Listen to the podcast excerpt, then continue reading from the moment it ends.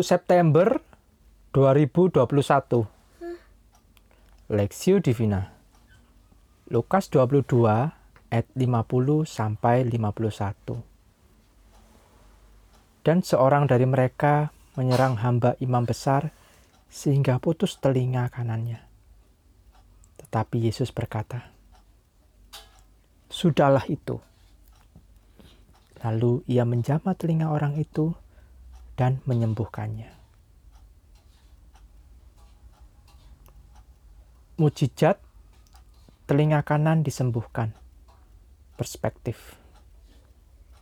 Dan seorang dari mereka menyerang hamba imam besar sehingga putus telinga kanannya. Tapi Yesus berkata, "Sudahlah itu." Lalu ia menjamah telinga orang itu dan menyembuhkannya. Lukas 22 ayat 50 sampai 51. Ketika selesai berdoa di Taman Getsemani, murid-murid Tuhan Yesus marah melihat para pemimpin agama Yahudi yang siap menangkap dan membawa Yesus pergi dari tengah-tengah mereka. Berkatalah mereka kepada Yesus, "Tuhan, mestikah kami menyerang mereka dengan pedang?" Belum sempat Yesus menjawab pertanyaan mereka. Secara tiba-tiba, seorang murid Yesus dengan cepat memukul telinga kanan seorang hamba imam besar yang berdiri di dekatnya dengan pedang hingga putus. Tindakan heroik salah seorang murid Yesus yang bernama Petrus untuk melindungi Yesus tersebut ternyata tidak membuat Yesus bangga. Justru sebaliknya, Yesus menegur kekerasan yang dilakukan Petrus. Dan dengan segera Yesus menjamah dan menyembuhkan telinga Malkus, hamba imam besar itu. Ayat 51.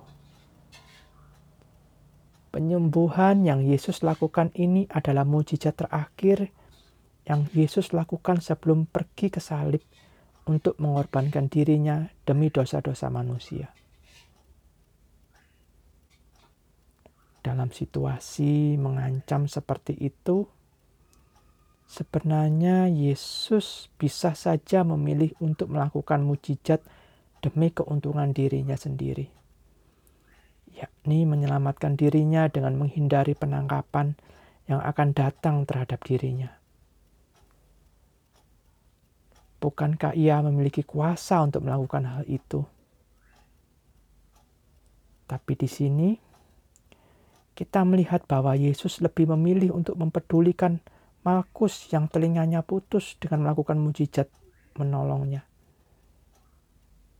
Mujizat yang Yesus lakukan ini memiliki tujuan sama dari semua mujizat yang telah ia lakukan.